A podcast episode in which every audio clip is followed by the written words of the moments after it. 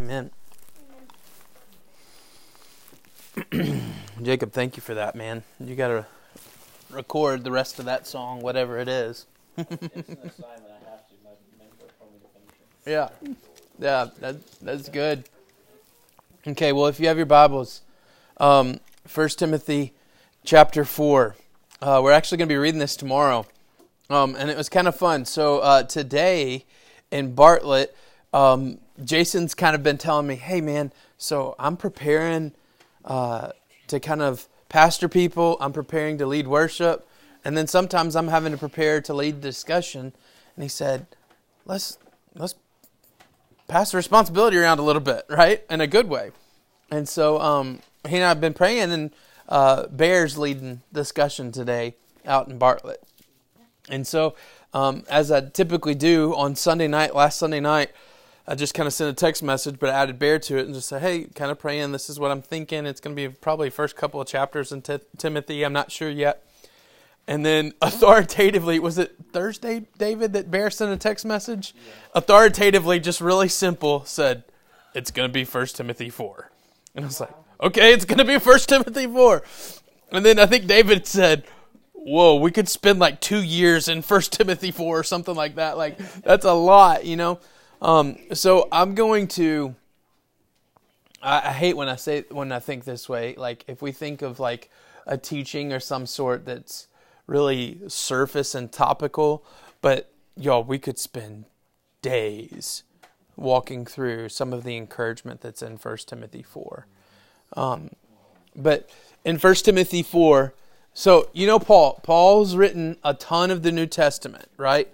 He's written to, as we've been in Romans, right? He wrote writes to the churches in Thessalonica and Corinth and Ephesians, right? He writes to these churches, but then the named books, Timothy and Titus, he's writing to Timothy and Titus.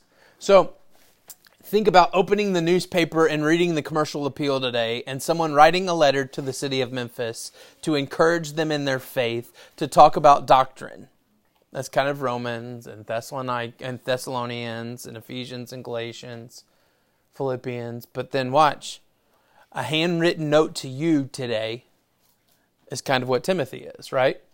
So in those kind of letters to people, it's almost we could read it and say, "All right, y'all have a great day." You know, like it's it's very practical. It teaches itself kind of thing. But you need to see Romans, Ephesians, Philippians, Colossians, they're very doctrinal type of teachings. What peace is, what spiritual warfare is, salvation and sin and who God is, right? The gifts of the Spirit, those are all teachings. The how to's are there, but they're really there in Timothy and in Titus, if that makes sense. So when we look at Timothy and Titus, watch. I love this. Oh, this couldn't be better timing. A church that's very intimate, highly relational, getting around one another, and we read Timothy and Titus, we go, oh, wow, they've got a lot of issues they're having to work through. So he makes authoritative statements. This is how you're supposed to deal with uh, a dispute. This is how uh, an elder is supposed to look like. This is what a deacon's supposed to do. You know, he goes through those practical things because understanding they were focused on the intimate relationship of one another.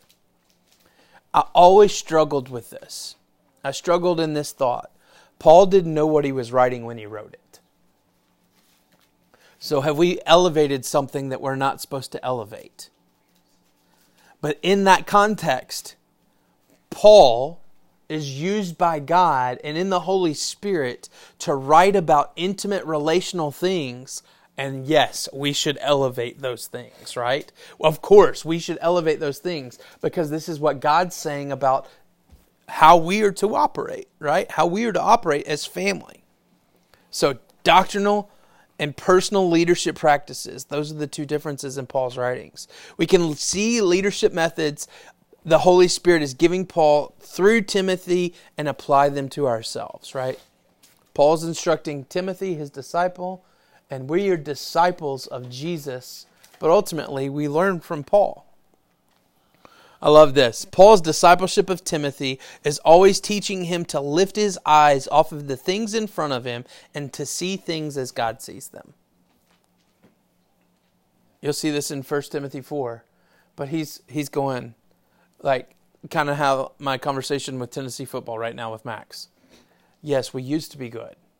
Hey, don't look at the current I just pushed his button. uh, don't look at don't look at the current situation. Let's lift our eyes above. Right, we've got some incredible traditions. You know the things that you hold to when you suck. Right, but the the idea is this: if I were to only look at what's immediately in front of me, I would never understand what God is doing.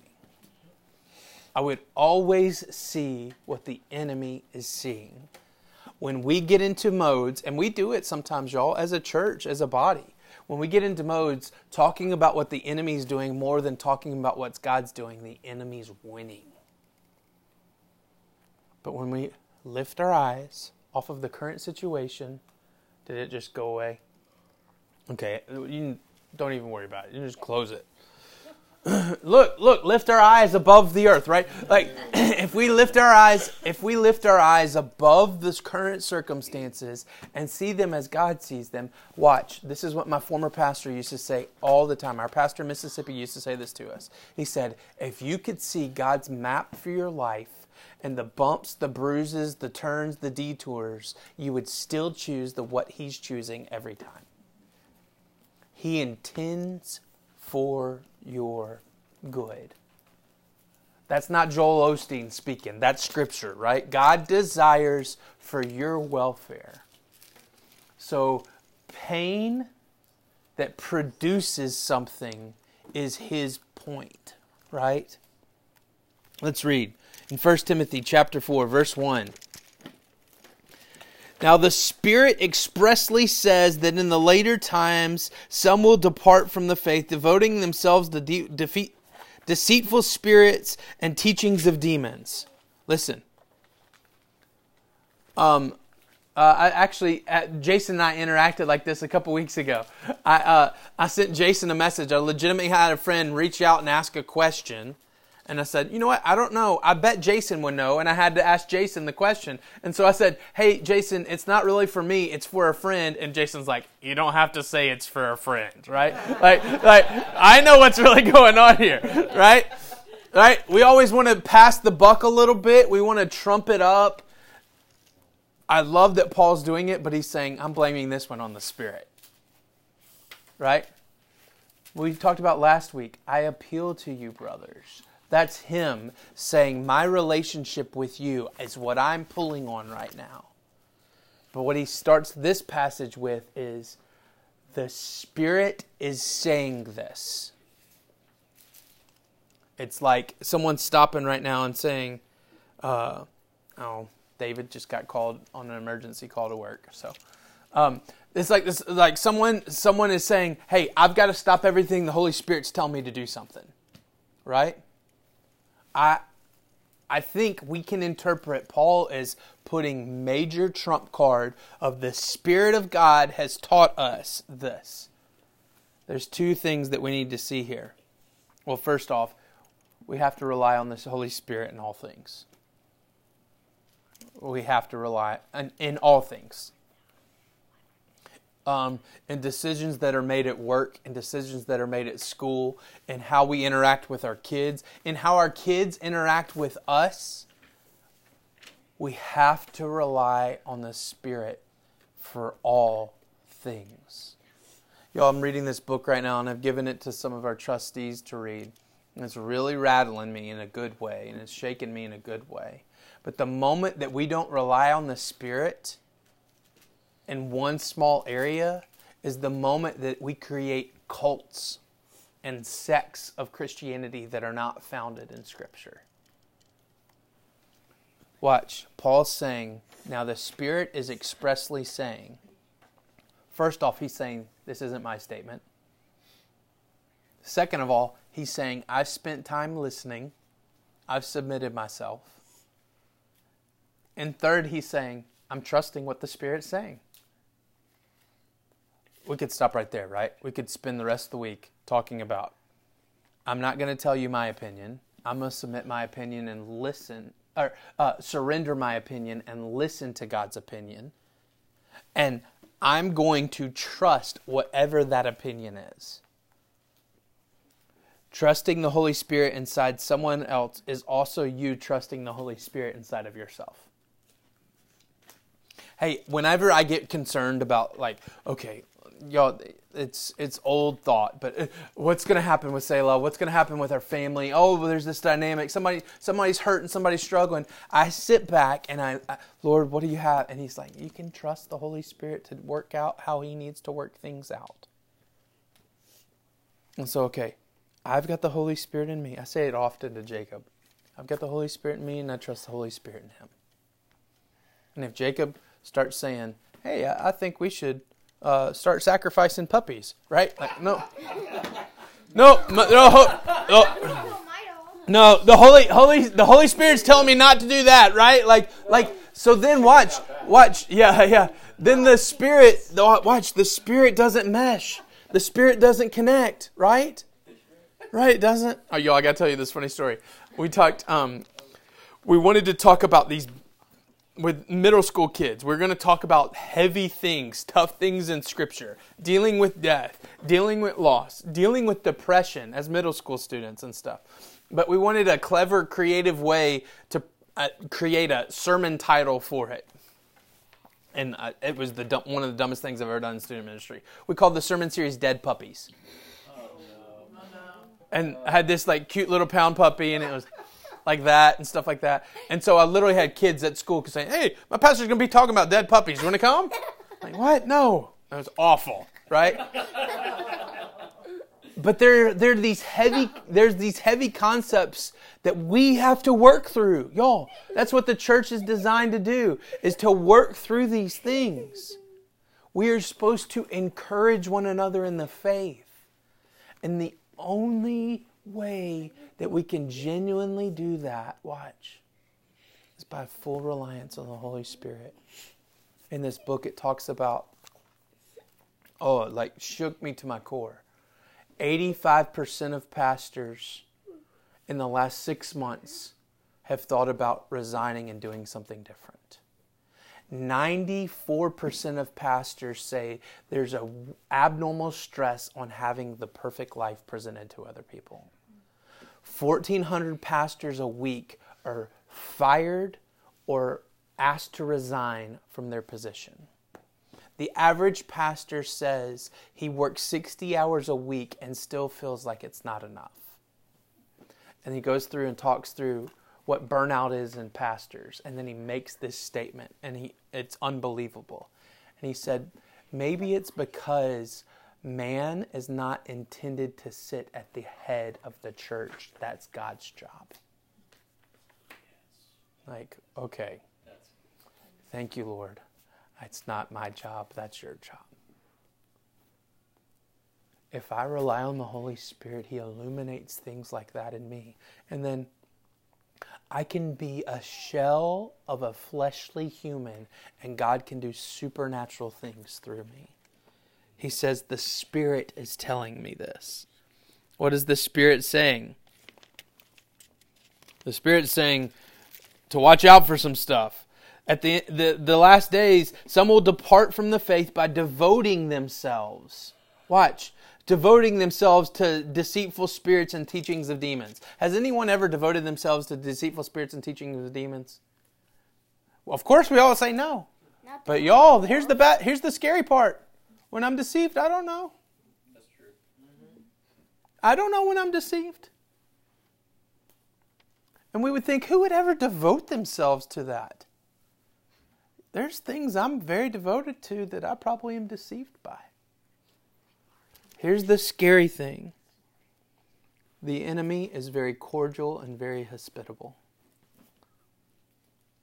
If something's deceitful, we don't know it. And watch this. This is the scariest of them all. Paul warns of another gospel. Demons teach gospel, just not the true gospel.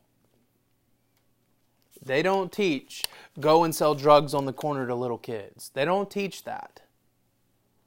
They teach something very, very, very similar to what we teach. Because, you know, if you're not facing true north and you're one degree off 100 miles down the road, you're very far off. And the enemy has a long game plan for every person. Verse 3 and 5 are examples. Well, first of all, through insecurity of liars whose conscience are seared. Conscience are seared. Like I can't think straight because my conscience has not it's not operating like it should because it's been seared by the deceit in this teaching. Ins- insincerity of liars. Watch. Listen to this.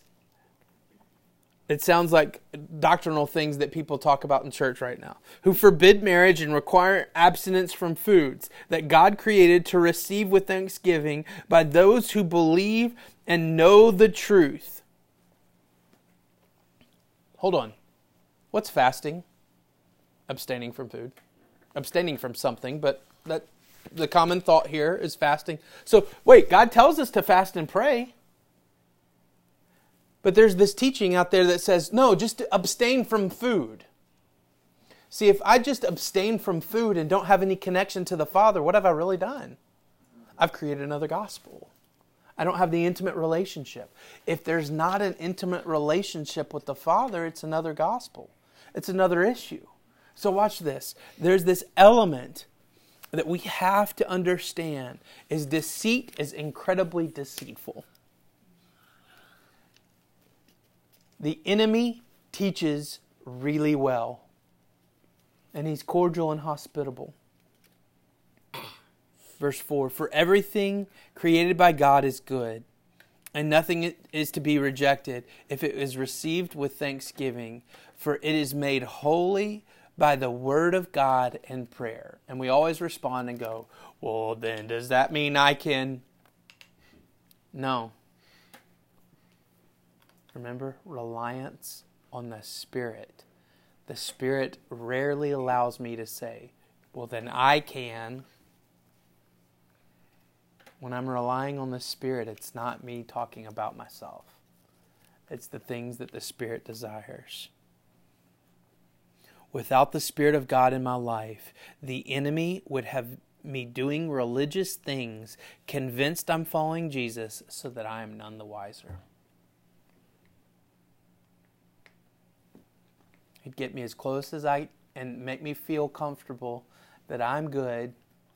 Walked an aisle, prayed a prayer, got dunked. When Scripture says, Many on that day will say, Lord, Lord. And the concept being, they'll call his name and he'll say, Yeah, but I don't know yours. He says, Many will say in that day, Lord, Lord. And he'll say, Depart from me, for I never knew you. God knows my name. God knows your name if you spend intimate time with it. God doesn't hesitate and go, wait now, remind me who you are. He doesn't do that because there's this intimate connection with the Lord, and that only is found in relying on the Holy Spirit. Point two. We find in verse 6. Here, I'll read it first, and I'll tell you the point. If you put these things before the brothers, reminding them, hey, there's this other thing going on, he says, if you put these things before the brothers, you will be a good servant of Christ Jesus, being trained in the words of the faith and the good doctrine that you have followed. Watch. Having nothing to do with irreverent, silly myths. Rather, train yourself for godliness. For while bodily training is of some value, godliness uh, is of value in every way as it holds to the promise of the present life and the life to come. Watch this. Train yourself for godliness is for uh, training yourself for godliness is for now and for eternity. I love that Paul says, having been trained, he says at the end of verse 6, being trained in the words of faith and the good doctrine that you have followed, having been trained, you now can, verse 7, train yourself. Um, I played soccer through older elementary into middle school, and we were just talking about this morning, traveling. We did all that stuff, and it just didn't, got to the point where I hated it because my coach didn't like me and I didn't like him, kind of thing. And so I quit, but it was more along the lines of he would make me sit when my, we, we would go to church on Sundays. We'd miss whatever tournaments or practices or games or whatever because we'd go to church on Sundays. So the next game, he'd make me sit out half of the game and even the team was frustrated because I would score goals and like they, hey, we want Ryan to play, and I, he wouldn't let me play. And they make me run laps and do all this other stuff just because we we'd go to church. And so I was like, hey, you know, it's best. I, I'm done. You're done. But I remember, it's really funny. Anne's been talking like her legs are like tightening up on her a little bit or something like that, and I'm like 14 when I last did this, and I remember us. He, this coach was incredible about like pre-stretching and all these things that we would do beforehand, and all like, um, oh, uh, what do I forget? Uh, calisthenic kind of stuff, right? And so um, we'd lay on the ground, and someone would make this. Husbands do this to your wives later. Someone would make this like U-shaped and around your thigh, and then you just push up on the thigh and pull all the way to the heel and when you get to the heel, they bend their leg, and it like literally loosens everything up. It's incredible. It feels great. And so Anne was talking about it, and I was like, did this to her, and she's like, we've been married 15 years, and you're just now doing this to me? Like, like, like, why have you never done this? This is awesome. This concept of I was trained in that, and I haven't done it in a while, right? Whatever job you are, you've had some form of training, right? Right? even even um, taking care of kids right? Some of us had bad examples so we know what to do and some of us have good examples so we know what to do. Watch i love this. Paul said having been trained you now can train yourself. Oh family please hear. Please hear. And you guys too if you will walk into these ways that I'm asking and I'm challenging and I'm praying through and praying for you, I genuinely believe that every last person in five years could be leading a house church. I genuinely believe that. Not that I have something special, I do not. But the Lord's taught me, so I need to teach you and in this concept of understanding and comprehending more than just head knowledge, but into your spirit, having been trained, you now are able to train yourselves. In what way? Heads up, there's deceitful teachings and teachings of demons, there's lies out there. He's been trained to identify what that is and to combat it with good doctrine. So at some point in time, I'm showing Max, hey, this is what you do. This is how you interact with the Lord. This is how we pray. This is this is how we pray for one another. I'm challenging, I'm pushing and stuff. Why? Because one day I'm gonna let go of that seat of the bicycle without the training wheels being on. And he's gonna take off down the road. Right? And two pedals in, the enemy's gonna go, hey now, do you really need to? Did God really say? And yes, uh, this is what God said. This and he'll be trained and able, right? It's the same concept for us.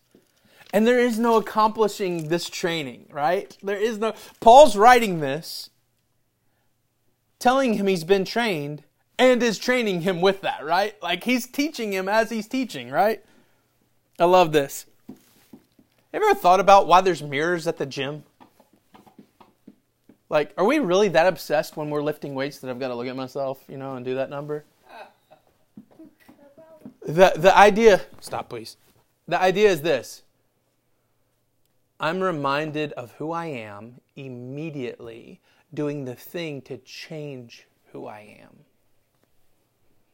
There's a mirror in front of me. I'm trying to encourage and maybe a little use a little discouragement to encourage me of there is something greater than the current state that I'm working towards.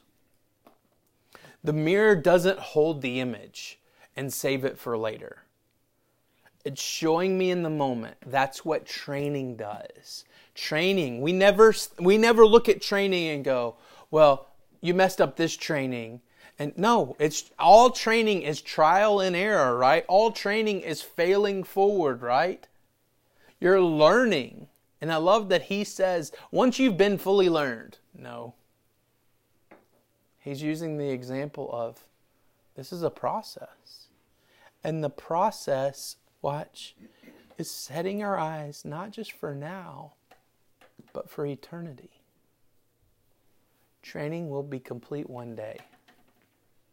When faith is realized, there's no more alternative option or teaching, no more deceitful lie. We train because we have hope. And when that hope fades, our reliance on Him is everything. discipleship in its simplest form is training someone how to train themselves and encouraging them when they do it. Watch this. Discipleship models of reliance on the Holy Spirit and the discipleship models reliance on the Holy Spirit and gives a confidence in his gifts to us. All this time, he's speaking in very specific terms to Timothy. But in verse 11, he pulls it back just a little bit further and says, Hey, I'm going to talk to the inner man. Watch, verse 11. Command and teach these things. Let me say it how he would have said it. Hey, Timothy, look at me. Every eye, right here. Look at me right here. Timothy, command and teach these things. We were laughing last night. Uh, Tennessee's quarterback, second string quarterback that's driving us crazy, Guarantano. Yeah, he he. They fourth and like six inches to the goal line. They could get within seven or eight points of the first place team in America. They've done well. Their defense is crushing them. The coach calls in a run play. He hikes the ball, and in the millisecond, the quarterback decides, I'm going to be the hero, and tries to dive. When he does, they pop the ball out and they run it 102 yards back for a touchdown. And the game's over, right? There's like 10 minutes left, and the game's over. In that idea, the coach made the call and the player went awry. So there's this moment when he's coming back, and I'm talking. I've not been a fan of Tennessee's new coach until last night. And some of you might not like this, but he grabs his face mask and he's letting him have it and all this stuff. Because if you go in an independent concept when there's 94 guys on this team, and you've just messed it up for us, watch. Hey, Timothy, command and teach these team, uh, things. Don't go another way. Watch. And then he speaks to his struggle. We, we're pretty transparent. As pastor, I probably shouldn't share everyone's struggles, but we all pretty much know one another's struggles, right? Timothy struggles with being young. Command and teach these things. Don't ever let anybody talk about your youth. Do you see it? He's encouraging him to do the thing God has told him to do.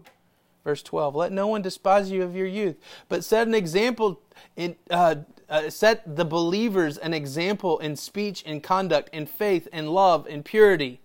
Until I come, devote yourselves to the public reading, uh, d- devote yourself to the public reading of Scripture, to exhortation, to teaching.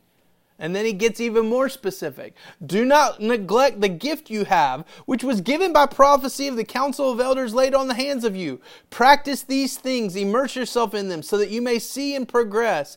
Keep a close watch on your teaching. Persist in this, for by doing so, you will save yourself and your hearers.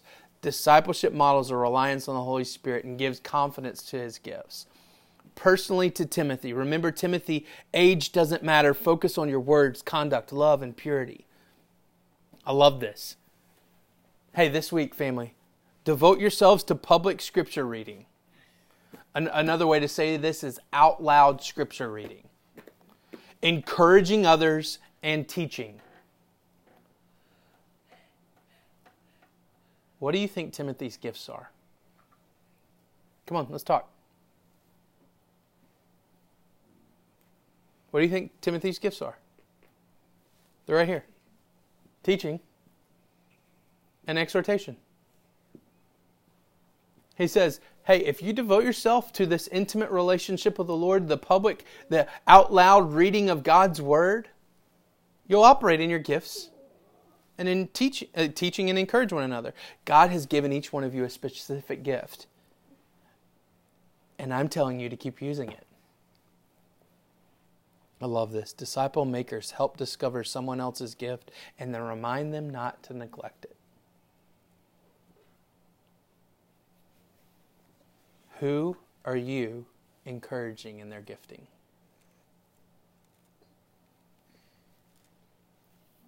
Who are you encouraging in your gifting?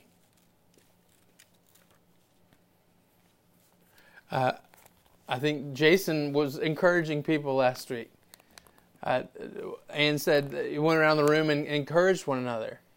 But I have that thought of God has for these two boys. My goodness, y'all both have gentle spirits and lion-hearted, right? Right? You have prophetic dreams and faith. And Clayton, dude, you are a leader when you choose to be. Aaliyah, I think you are a stabilizing factor for hundreds of people, and you don't even realize it. And Jason, you have grown into that encourager of encouragers. Jacob, buddy, your faith, I think we'd all love a touch of your faith. And Callie, the humility and honor that you exude drips off of you. And Josh, your tender spirit is awesome, buddy. And it, it's very evident that you have a heart for the Lord. And Ben, the wisdom that's in you, um, I will always be uh, pulling from that concept. I'm always asking Ben for some wisdom. Get, yeah, he doesn't root for Bama. Yeah, yeah, the Cardinals. The Cardinals. That's it. Yeah. This is encouraging, buddy, not discouraging. Um, Karen, you might be the most generous person I know, and um, the the giving when I'm like, good grief, it's overwhelming, and I love that. Eric, I love how every person that you interact with is a friend almost instantaneously. And Heather, you have a pursuit of the Lord that um, that like it's it's hospitable. It invites others into it, right? Like you pursue the Lord and invites others into it. I, um, I think for us to continue to be in relationship and help one another discover their gifts and then push. Watch. I really didn't push anyone. I pushed Clayton because I told him when you step into it, right? But I really didn't push anybody. Encouragement pushes us into our gifts. Encouragement tells me I should do more of this. I don't want us to just pat each other on the back, rah rah concept. No, there's moments where I need to say, hey, we miss your gifting, right? We need your gifting. But hear me when I say, if you rely on the Holy Spirit, you can train yourself because you've been trained. And in that, we use our gifts to encourage others. And it starts the cycle again. So they rely on the Holy Spirit so they can be trained. So let's pray. Lord Jesus, I thank you for today. I thank you for the encouragement of your word. Lord, I lift up David to you as he had to leave and uh, deal with work on a Sunday. I know that's incredibly discouraging to him. Um, so, Lord, I pray for an extra measure of grace, mercy, hope, joy, and love on him. And God, we thank you for this family. And we do. We pray for encouragement in our gifts. Lord, I pray that that resonates deep in our souls all week long so that we can encourage one another, we can use our gifts, and we can encourage others with our gifts. In Jesus' name we pray.